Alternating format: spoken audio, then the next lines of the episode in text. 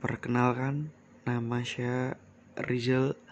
Jadi di podcast ini saya akan membawakan beragam minuman kekinian anak-anak zaman sekarang. Oke.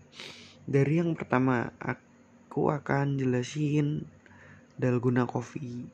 Ya. Dalgona coffee itu tersusun dari dua lapisan, yaitu susu pada bagian bawah dan foam semacam krim kaku berwarna coklat pucat pada bagian atasnya gitu. Dalgona sendiri itu diambil dari nama permen tradisional khas Korea Selatan. Oleh karena bentuknya mirip, maka minuman olahan kopi tersebut dinamakan dalgona coffee. Ya, dalgona coffee itu bahan-bahannya hanya dari terdiri dari 2 sendok makan kopi bubuk Nescafe klasik, 2 sendok makan gula pasir, 2 sendok makan air panas, susu putih, dan es batu secukupnya. Oke, thanks.